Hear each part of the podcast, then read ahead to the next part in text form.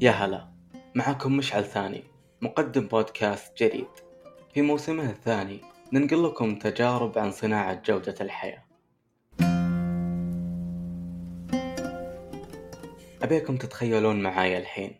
تقوم من النوم وتكتشف إنك متأخر على الدوام. تروح تغسل وجهك تفرش أسنانك وتلبس باستعجال وأنت تطالع ساعتك كل دقيقة. تنطلق للسيارة متقروش وهمك توصل بأسرع وقت ممكن. وبعد جري في المواقف توصل مكان عملك وأنت متعب وضربات قلبك تسمعها بأذنك. الحمد لله سترها معك الله. تبصم بالوقت المناسب وبعدها تروح تجلس وترتاح على كرسيك وسط تكييف بارد. يدخل عليك زميلك ويقول لك شفتك متأخر وجهزت لك كوب قهوة زي ما تحب.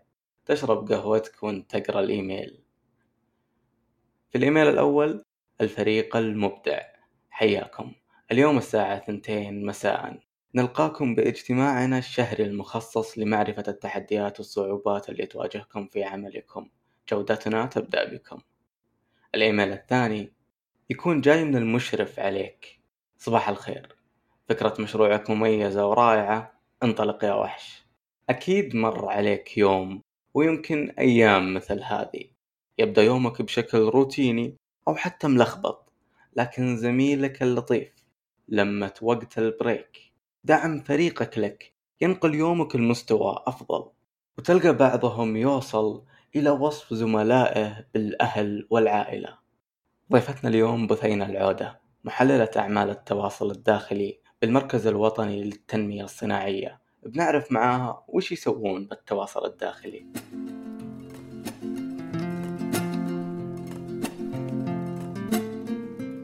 صديقنا رأيك بالحلقة مهم.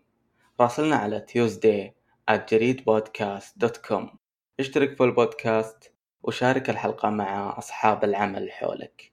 وطبعا تلقى رابط الاشتراك بنشرتنا البريدية الجريد للحياة بوصف الحلقة. توصل كل يوم ثلاثاء. نشارك فيها معاك أخبار عن جودة الحياة حولك ومفاجآت تعجبك. يا هلا فيك بثينة نورتينا في بودكاست جديد. حياك الله. آه، نور نورك وسعيدة جدا بتواجدي معكم اليوم وأتمنى أننا نضيف يعني شيء جميل يفيد الناس ويستمتعون فيه بإذن الله. بإذن الله. آه طيب كلمينا عن بثينة عرفينا عن نفسك. أم لما أقول بثينة أتخيل نفسي دائما فكرة بسيطة فيها دهشة فيها أثر ممتد. أحب دائما فكرة الأثر البسيط. أحب ال ال الأفكار الإبداعية. أحب صناعة المحتوى اللي يضيف قيمة للناس ويساعدهم يكونون آه، بطريق أفضل يكونون في آه، يعني في تجارب أفضل يعني لو لو أوصف نفسي كشيء أو كشيء آه، محدد فإني أوصفها بفكرة تضيف الدهشة للعالم بشكل عام.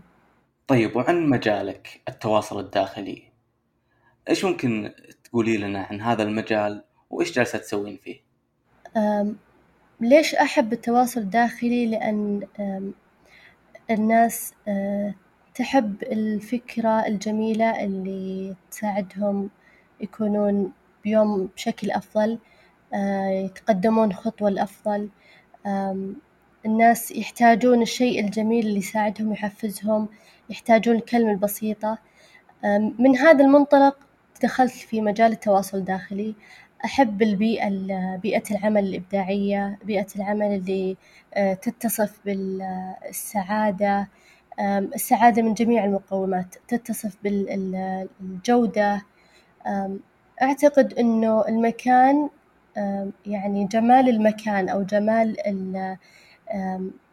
يعني جمال جميع المقومات جزء منها إنه نسمع كلمة حلوة. آه، نشوف شي جميل.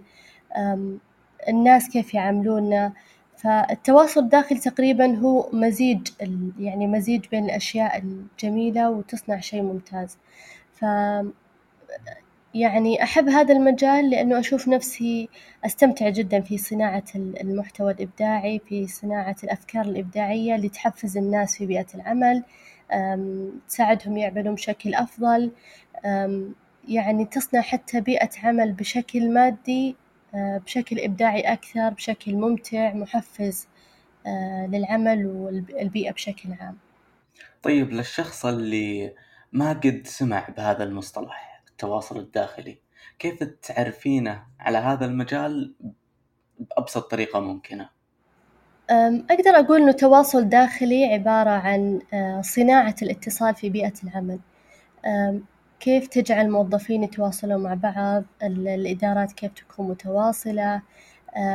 التواصل الداخلي مثل حلقة وصل بين المنظمة بشكل عام بين الإدارات بين الموظفين بين الاحتياجات والأشياء فهم مثل ما نقول يعني دائما أوصفها كأنها الأم الحنون اللي تهتم بأولادها توفر لهم اللي تحتاج تسمع منهم تعطيهم تساعدهم فهي كأنها الأم في بيئة العمل يعني تساعد وتعطي وتوفر لهم كل اللي يحتاجون بأبسط طريقة. طيب علشان أفهم أنا أكثر قبل المستمعين الموظف اللي يكون مسؤول عن التواصل الداخلي بأي جهة كانت إيش المهام اللي تكون مطلوبة منه؟ وش يسوي؟ الجميل في التواصل الداخلي إنه يعني يعتمد على الإبداع بشكل أكبر. صحيح إنه يحتاج أحيانًا تخصصات دقيقة أو تخصصات يعني محددة في المجال الإداري أو في المجال الإبداعي، لكن اللي اللي يجمل التواصل الداخلي في عيون كل يعني في عند كل الناس المهتمين إنه بشكل أكبر يعتمد على المجال الإبداعي، يعني على سبيل المثال اللي يعمل في التواصل الداخلي ممكن يعمل في صناعة المحتوى من ناحية المحتوى المكتوب أو المحتوى المسموع. يعمل في المجال مثلا التصميم في مجال إنتاج تصميم جرافيك أو تصميم motion graphic يعني جميع مجالات التصميم. ممكن يعمل في مجال تحليل الأعمال من ناحية تحليل المبادرات والبرامج والأفكار. كيف يحللها كيف يقومها كيف يفسر الأفكار والنتائج. لما يحللها كيف يطلع فيها بشكل أفضل أو يحسنها أو يطورها. فنقدر نقول أغلب مجال التواصل الداخلي يعتمد على مهارات مثل يعني الكتابة الإبداعية مثل التصميم. مثل تحليل الأعمال والمبادرات. هذه تقريبا أقرب التخصصات اللي يعني هي تقريبا هي التخصصات الأساسية في مجال التواصل الداخلي. كل ما كبرت المنظمة أو كل ما مثلا زادت حجم المنظمة كل ما زادت المسؤوليات بشكل أكبر، لكنها هي بشكل أساس تعتمد على هذه المهام بشكل أكبر، لأنه أغلب رسائل والأشياء اللي تطلع من التواصل الداخلي هي معتمدة بشكل كبير على رسائل مكتوبة رسائل مسموعة على أشياء تصنع في بيئة العمل وتحلل بعد ذلك، فنقدر نقول بين مزيج بين الثلاثة أشياء هذه بشكل عام.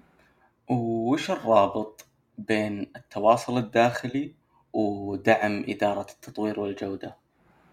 إدارة التطوير في بيئة العمل أو إدارة التطوير والجودة غالبًا تركز على تطوير أداء الموظفين وجودة عملهم، مثلًا تطوير جهود المنظمة، تطوير الأداء، تطوير مؤشرات الأداء بشكل كامل، فالتواصل الداخلي غالبًا يساعد الإدارات يعني تحديدًا إدارة الجودة والإدارات بشكل عام إنها تحسن أداءها أو تساعد في يعني تساعد في تقويم أدائها أو احتياجاتها في المنظمة، فكل إدارة لما يكون لها لما يكون لها احتياجات أو أساسيات التواصل الداخلي تساعدهم يرتبونها بشكل عام في بيئة العمل، تساعدهم يوصلون صوتهم للموظفين.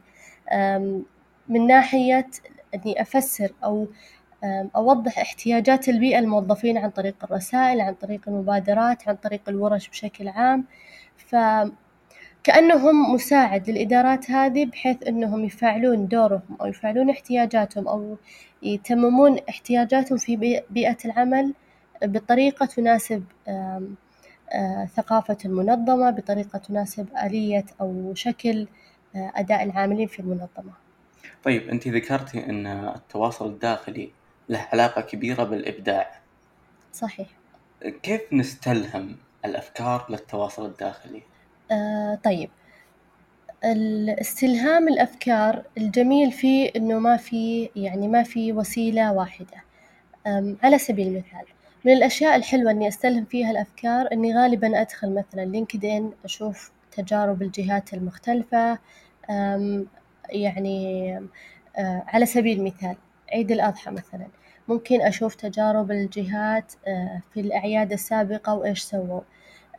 أحيانًا ثقافة بيئة العمل أو ثقافة الموظفين أعمارهم المختلفة طابعهم بشكل عام ممارساتهم. هذه تساعدني أعرف هم وش يحتاجون أو إيش الأشياء اللي تناسبهم، من الأشياء اللي أستمتع جدًا وأنا أمارسها بشكل روتيني لما أكون قريبة من الموظفين وأعرف احتياجاتهم. يعني غالبًا بيئة العمل اللي يكونوا موظفين مع بعض أو متداخلين مع بعض بشكل حبي دائمًا يكونون قريبين جدًا من إدارة التواصل، دائمًا نسمع احتياجاتهم، دائمًا نسمع متطلباتهم بشكل ودي وبسيط، فالوجود أو التواصل المباشر والتواصل القريب بالموظفين هذي أشوفها أكبر أداة تساعدنا في إننا نعرف هم وش يحتاجون هم وش يتوقعون.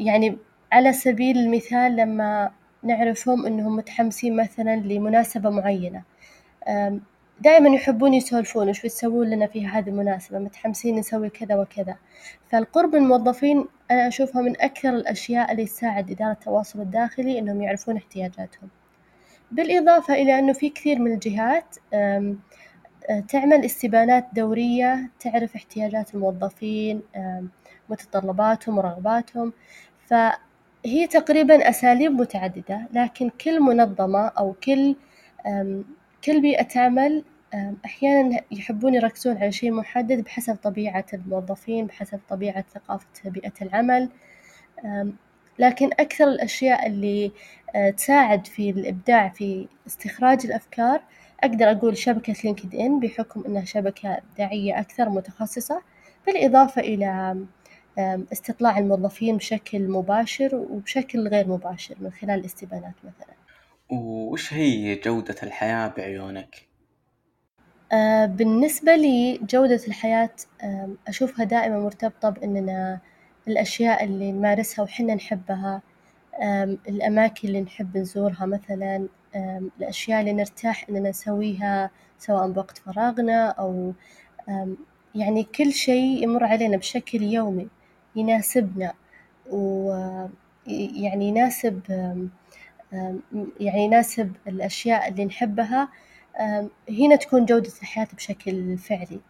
لما أمارس اللي أنا أحبه لما أسمع الأشياء اللي أحبها لما أروح الأماكن نفس مزاجي نفس اهتماماتي هذي كلها مرتبطة بجودة الحياة، لما أتكلم عن جودة الحياة في بيئة العمل جودة الحياة يعني تنقسم إلى أشياء مختلفة، المكان مريح مثلًا، بيئة العمل بشكل مادي فيها المقومات الأساسية، يعني مثلًا في ناس يهمها إنها تتقاضى راتب جيد، لكن في ناس يهمها إنه مثلًا تعمل في بيئة عمل مرنة، في ناس يهمها مثلًا تعمل مع مدير جيد. فجودة الحياة لما تحقق أغلب هذه الأشياء بشكل مناسب أنا أشوفها هذه الجودة الفعلية تقريبًا بشكل مهني في بيئة العمل. طيب وعن بيئة العمل نفسها، إذا قلنا إن الإنسان يقضي تقريبًا ثلث يومه بالعمل، كيف نصنع الاتصال الإيجابي البسيط؟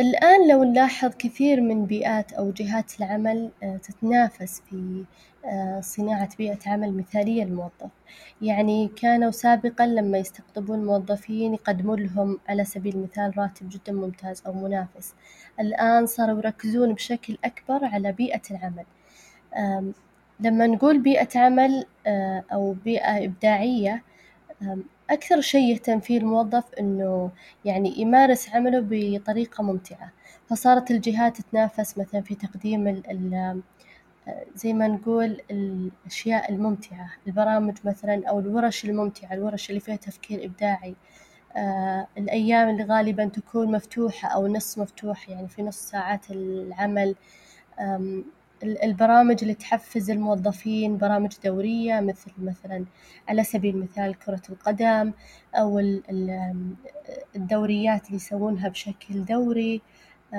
يعني برامج أو مبادرات تنافسية بين الإدارات وبين الموظفين، هذي تحفزهم جدًا وتجعل بيئة العمل ممتعة أكثر من كونها يعني مجرد مكان أعمل فيه وأطلع لبيتي، فكثير بيئة العمل الآن صارت تستوعب إنه الموظف الوقت اللي يقضيه في بيئة العمل أكثر من اللي يقضيه مثلا مع عائلته أو مع الأهل، فصارت تحرص إنه تقدم أشياء إبداعية تقدم أفكار حلوة، تساعد الموظف إنه لما يدخل بيئة العمل يحس إنه في أشياء حلوة قاعدة يعني قاعد يتلقيه يتلقاها بشكل عام أو يمارسها،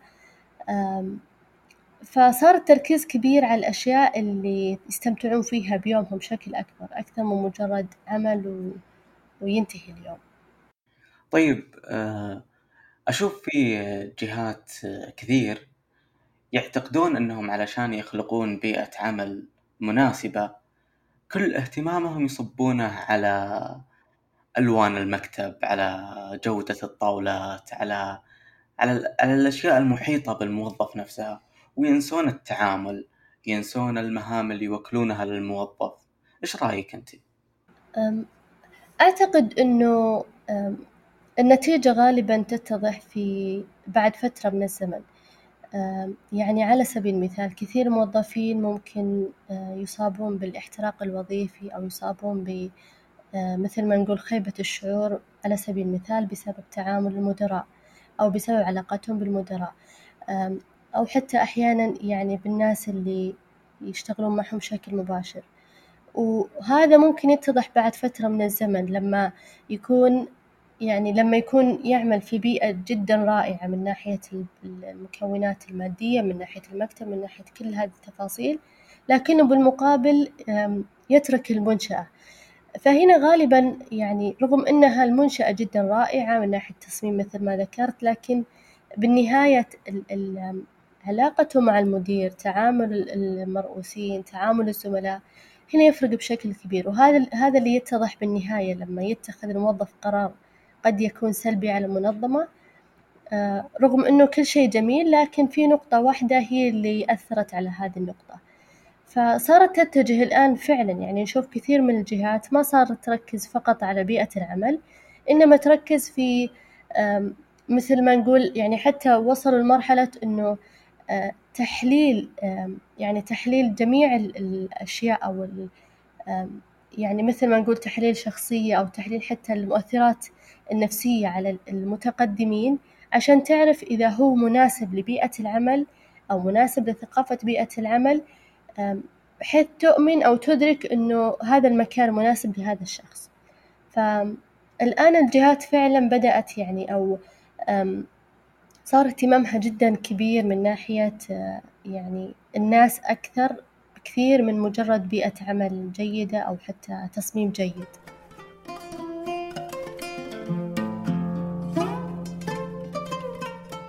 وكيف ممكن أي مدير يكسب ولاء موظفينه ويحافظ عليهم؟ أعتقد دائمًا قرب المدراء من الموظفين بيساعد جدًا إنه يحقق لهم الأشياء الأفضل. يمكن من أهم الأشياء اللي أشوفها جدًا رائعة لما المدير يعطي الثقة للمرؤوسين يعطي الثقة للموظفين من ناحية كيف أساعده يكون مهنيًا أفضل، كيف أساعده يوصل لمرحلة مثلًا إنه يقود الأشياء، كيف أساعده ينطلق بدون ما أكون أنا العين اللي فوق أو الشخص اللي يتابع أول بأول، لما أعطي موظف الثقة لما أعطيه الطريق أو الضوء الأخضر إنه ينطلق ويتعلم بنفسه ما في مشكلة يخطئ لكن هو قاعد يتعلم ويتحسن، لما أعطيه المرحلة إنه يثق إنه ممكن بيوم من الأيام يكون هو القائد أو يكون مهنيًا أو يتحسن بشكل أفضل هذه جدًا بتحسن العلاقة بين الموظفين أو بين المرؤوسين، فالثقة الممنوحة للموظف والصلاحيات الممنوحة والتعامل الجيد هذه كلها تأثر في منتجات أو مخرجات العمل وتحسن الأداء بشكل عام. وكيف تشوفين مستقبل التواصل الداخلي؟ مستقبل التواصل الداخلي قاعد يكبر ويتحسن ويعني يكون بشكل عام نقدر نقول نجمة في يعني بيئات العمل، التواصل الداخلي سابقًا كان يعني مثل ما نقول المفهوم إنه عبارة عن رسائل يومية تنشر بين الموظفين نشوفها بشكل كبير في منصات التواصل الاجتماعية، لكن الآن التواصل يركز بشكل كبير على على سبيل المثال ثقافة المنظمة، لأنه ال يعني أغلب البيئات العمل صارت تدرك إنه الثقافة تشكل جزء كبير من يعني من بيئة العمل من نتائج المبادرات اليومية من طبيعة تعامل الموظفين، فثقافة البيئة صارت جزء كبير جدًا من اهتمام إدارات التواصل الداخلي، كيف يعني أشتغل على القيم المنظمة؟ كيف كيف أحسن تعامل الموظفين مع بعض، كيف أحسن بيئة العمل، كيف تكون السمة بشكل عام بيئة العمل تكون متميزة بشكل واضح، فكل يوم قاعد يكبر إدارة التواصل الداخلي كل يوم قاعد يتحسن بشكل جدًا رائع، كل يوم قاعد يتطور لأنه الناس قاعدة تدرك إنه أكثر إبداع أو أكثر تحسين في بيئة العمل هو يندرج أو يكون من ضمن مهام إدارة التواصل الداخلي، فدورهم جدًا كبير قدامهم تحدي جدًا واضح، لكنهم قاعدين يعني يتجهون في مسارهم ال اللي يعني يأخذ حقه بشكل كبير. طيب هذا السؤال مهم عندي شخصيًا، اللي هو في ثلاث ثلاث جهات ممكن ناخذ عليها سياق السؤال، اللي هو كورونا والعمل عن بُعد، أو التطور الحاصل لدرجة إنه ممكن أي شركة تخلي موظفينها يعملون عن بُعد، أو حتى الشركات اللي ما تبي مقر ما تبي مكتب لهم ممكن يعملون عن بُعد، كيف ممكن يصنعون تواصل داخلي مناسب؟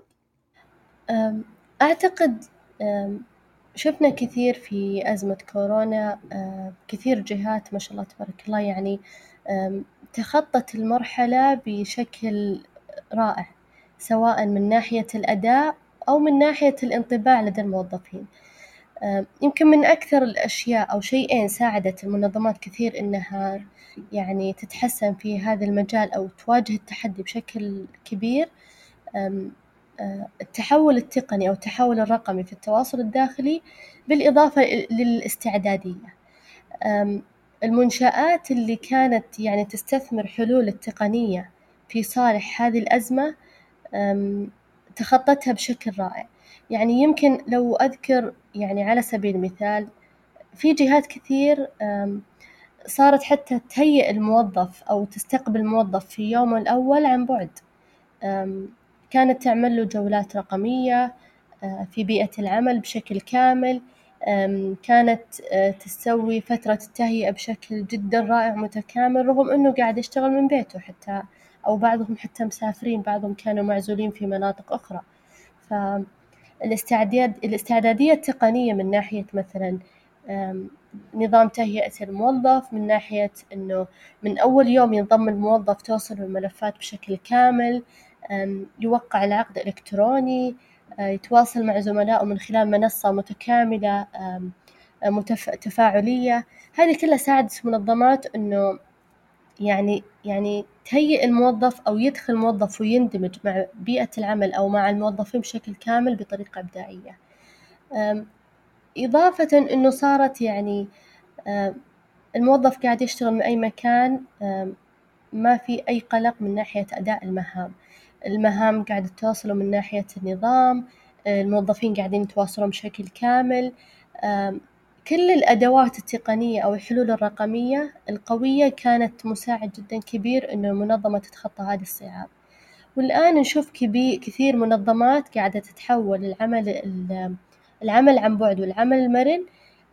لأنه كانت يعني زي ما نقول أزمة كورونا كانت اختبار وتخطت وتجاوزته بشكل يعني جدا رائع، فالحلول الرقمية أكثر شيء مهم إنه المنشأة تستثمر فيه لأنه هو اللي بيساعدها يعني تروح أي مكان وموظفين يشتغلون من أي مكان بدون أي قلق بدون أي خوف.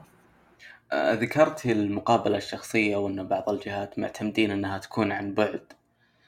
هل تشوفين إنه إذا كانت عن بعد المقابلة الشخصية أو أي اجتماع ممكن يكون فيه مفاوضات هل حنا كبشر خلاص تعودنا على هذا الشيء وصار عندنا حتى الإقناع ممكن يكون عن بعد لأنه في بعض الأشخاص أنا أشوف آرائهم إنه يقولون أي شيء فيه مفاوضات أو إقناع وجها لوجه بيختلف بشكل كبير. هو أكيد الحضور الجسدي والتفاعل المباشر هذا يفرق جدا كبير. يعني حتى على المستوى الشخصي لما تقابل الناس يفرق عن لما تكون مثلا مكالمة صوتية أو حتى مكالمة فيديو، لكن إذا إحنا نتكلم عن شيء ثابت عن بعد كعمل مهني فالموضوع طبيعي بيختلف، لكن المنظمات كثير قاعدة تجتهد في تحسين طبيعة العمل في وقت الأزمة بالتحديد، في كثير منظمات رجعت يعني الآن الحمد لله كثير منظمات رجعت تشتغل بشكل متكامل في بيئات العمل، لكن صار العمل عن بعد هذا جزء لا يتجزأ من طبيعة عمل المنظمة كميزة أساسية، يعني هو كان تحدي لها لكن بعد التحدي صار مثلا الموظف يقدر يشتغل مثلا خمس أيام شهريا عن بعد أو صار يقدر يختار أيام يفضلها يشتغل عن بعد، أو حتى صار يعني مثل ما نقول ما في شيء يعني ما في شيء يمنع الموظف إنه والله يقوم الصباح ويشتهي يشتغل عن بعد أو يشتغل في مكان فالمجال صار مفتوح، ما ما ما يستغنون الموظفين عن التفاعل المباشر عن حضور مباشر وجهًا لوجه، لكنها صارت ميزة، يعني إذا في اجتماع في احتياج ممكن موظف يتوجه لبيئة العمل وينجز شغله ببساطة، لكن هي ميزة وموجودة في المنشآت بشكل عام. وكيف نوصل لل... للراحة والسلام الداخلي بناء على تجربتك؟ أعتقد الراحة والسلام الداخلي في إن الشخص يمارس الأشياء اللي يحبها وهو متأكد إنه يحبها أو يفضلها، مو لأن مثلا يعني لما أنا أعمل في التواصل الداخلي الراحة بالنسبة لي إني أعمل لأني أحب مجال التواصل الداخلي ومهتمة فيه، مو لأنه مثلا هو مجال مطلوب مثلا لدى كثير من الجهات أو لأنه مثلا هو مجال له مستقبل كبير، صح صح فكرة الإيمان بفكرة إنه يعني زي ما نقول أضمن أشياء بالمستقبل. هذه فكرة مريحة بالنسبة لكثير من الناس، لكن فكرة إني أعمل في شيء أنا أستمتع فيه وأنا أحب هذا المجال وأقدر أبدع فيه هذي بالنسبة لي فكرة مريحة، يعني أنا ممكن أدخل المجال هو مطلوب لكن بالنهاية ما يناسبني أو ما يناسب يعني ما يناسب مجالي أو حتى ما يناسب طريقة عملي أنا أو شخصيتي، فهذا الشيء أنا أشوفه بالنهاية راح أوصل لمرحلة الضغط، فلما أشتغل في شيء أنا أشوف نفسي فيه أنا اخترته بنفسي وأنا أستمتع جدًا إني أمارسه. هذا بالنسبة لي الراحة التامة أو السلام بشكل عام. ما تشوفين إنه اعمل بالشيء اللي أنت تحبه أخذ ضجة كبيرة؟ وبالنهاية في أشخاص بيقولون هو عمل. وأي عمل ممكن تشتغله بشكل كبير راح يسبب عليك ضغط حتى لو كان شيء تحبه. فهل صار لازم ما أشتغل إلا في شيء أحبه أو إني أسعى علشان أوصل لهذا الشيء؟ فكرة إنه أعمل على شيء أحبه أنا مؤمنة فيه، لأنه يعني حتى لو نتكلم عن خارج نطاق العمل كمهنيًا لما أنا أمارس الشيء اللي أحبه أو شيء اللي يناسب مجالي أو اهتماماتي هذا الشيء يفرق لما أمارس شيء لمجرد إنه شيء ممتع أو شيء الناس تشوفه شيء واو، في بيئة العمل الناس صارت منفتحة إنها تجرب أشياء جديدة، إنها تجرب مهام مختلفة، إنها مثلًا تغير من إدارة لإدارة، هذا الشيء صار مفهوم جدًا كبير وواسع والآن نشوفه في كثير من الجهات، ناس يشتغلون في مجال محدد ينتقلون لمجال آخر، ف فكرة إنه أعمل شيء أحبه هذي موجودة لكنها ما صارت الشيء الثابت، الناس صارت تحب تجرب تحب تغير تحب تشوف نفسها بأشياء كثيرة. لما توصل لمرحلة إنه تلقى نفسها في مجال محدد، يعني اشتغلت في مجال موارد بشرية سابقًا عملت الآن في التواصل الداخلي، ما أعرف وين ممكن الحياة مستقبلًا توديني لكن الحياة عبارة عن تجارب، لما ألقى نفسي في المجال اللي أحبه في المجال اللي يستهويني وأشوف نفسي فيه، ف أنا أشوف إنه كل الناس الآن قاعدة تسعى إنها تشوف نفسها في المجال اللي هي تفضل، ممكن الموضوع ياخذ سنوات ممكن ياخذ فترة طويلة، لكنها بالنهاية يعني تطمح إنها تشوف نفسها في المكان اللي يناسب اهتماماتها ويناسب المنطقة اللي هي تستمتع فيها بشكل عام. أنا سألتك السؤال هذا لأنه في أشخاص يقولون العمل اللي تستمتع فيه هذا هواية، ومو بالضرورة تحول هوايتك لمصدر دخل أو عمل رئيسي، ممكن تمارس هذا الشيء كهواية ومصدر دخل جانبي إن كان، لكن عملك الرئيسي هو أكيد طبعًا ما في أحد راح يشتغل بعمل يكرهه، بس مو بالضرورة يكون يحبه، يكون بالوسط، هل الهواية ممكن تكون عمل رئيسي أو مو بالضرورة؟ أعتقد إنه ال- الإجابة يعني تحدد بناءً على شخصية الشخص بشكل عام، في ناس مثلًا موهوبة على سبيل المثال في مجال التصميم، بعضهم يحولون هوايتهم إلى مثلًا عمل حر، يشتغلون بشكل حر ويتواصلون مع الجهات يصممون يسوون مشاريع، في ناس عندها هواية تمارسها خارج مجال العمل لكن في مجال العمل عندها تخصصها وعندها شغلها الرسمي، فهو يختلف بشكل كبير على شخصية الش- يعني شخصية الفرد بشكل عام، في ناس هوايتها هواية تشتغل فيها متى ما متى ما كان عندها الوقت ومتى ما كان عندها المزاج اللي يخليها تعمل فيها، لكن في ناس يتخرجون بتخصص يشتغلون فيه، في ناس لا عندهم تخصصهم عندهم هوايتهم كل واحدة مستقلة عن الآخر، فأعتقد إنها تختلف حسب مزاج الشخص حسب طبيعة العمل حسب هو وين يشوف نفسه فيه، يعني على سبيل المثال أنا أحب التصميم بالنسبة لي هواية جدًا أحبها. وظفتها الآن الحمد لله في مجال عملي، سابقًا كان مجال عملي مختلف عن مجال هوايتي، فأعتقد إنها بشكل كبير تحدد بناءً على شخصية الإنسان أو شخصية الشخص وهو وين يحب يعني وين يحب يوظف مهارته هل مهنيًا أو في وقت فراغه، فهي تحدد بشكل كبير على الشخص. الله يعطيك العافية بثينة، شكرًا جزيلًا، وإذا كانت عندك كلمة أخيرة في شي حابة تقولينه تفضلي. آه الله يعافيكم، أول شي أنا جدًا سعيدة جدًا ومبسوطة على هذا اللقاء الرائع، يعني أقدر أقول إنه مجال التواصل الداخلي من أجمل المجالات بالصراحة في يعني ك كتجربة مهنية، كل اللي أتمناه إن الناس تشوف نفسها في المكان اللي تحب في الم- في المكان اللي تفضل، أيًا كان تخصصك أيًا كان مهارتك وأيًا كان اهتماماتك، ابحث عن الأشياء اللي تحبها في المجال اللي تحب، لا تروح للشي لمجرد إنه الناس تشوفه شي ممتاز، ولا تروح للتخصص لمجرد إنه تخصص مطلوب أو مهم، كل الناس ربي ميسر لها الشي اللي يناسبها، فابحث عن الشي اللي أنت تحب ومارسه بالطريقة اللي تفضلها، استمتع بالحياة بشكل عام، الحياة تجارب الحياة مراحل الحياة فرصة إنك تكتشف نفسك، فاستمتعوا بكل دقيقة وبكل لحظة بالشي اللي أنتم تحبون وتفضلون.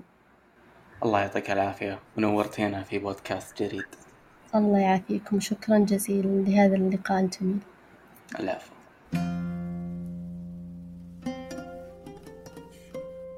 شكرا لأنك وصلت نهاية الحلقة. قيم الحلقة على الآيتونز وتابعنا على مواقع التواصل الاجتماعي. قدم الحلقة لكم مشعل ثاني. في كتابة نص الحلقة دعاء الذبياني إعداد روان الرفاعي ومراجعة روان الدريبي. إنتاج بودكاست جديد.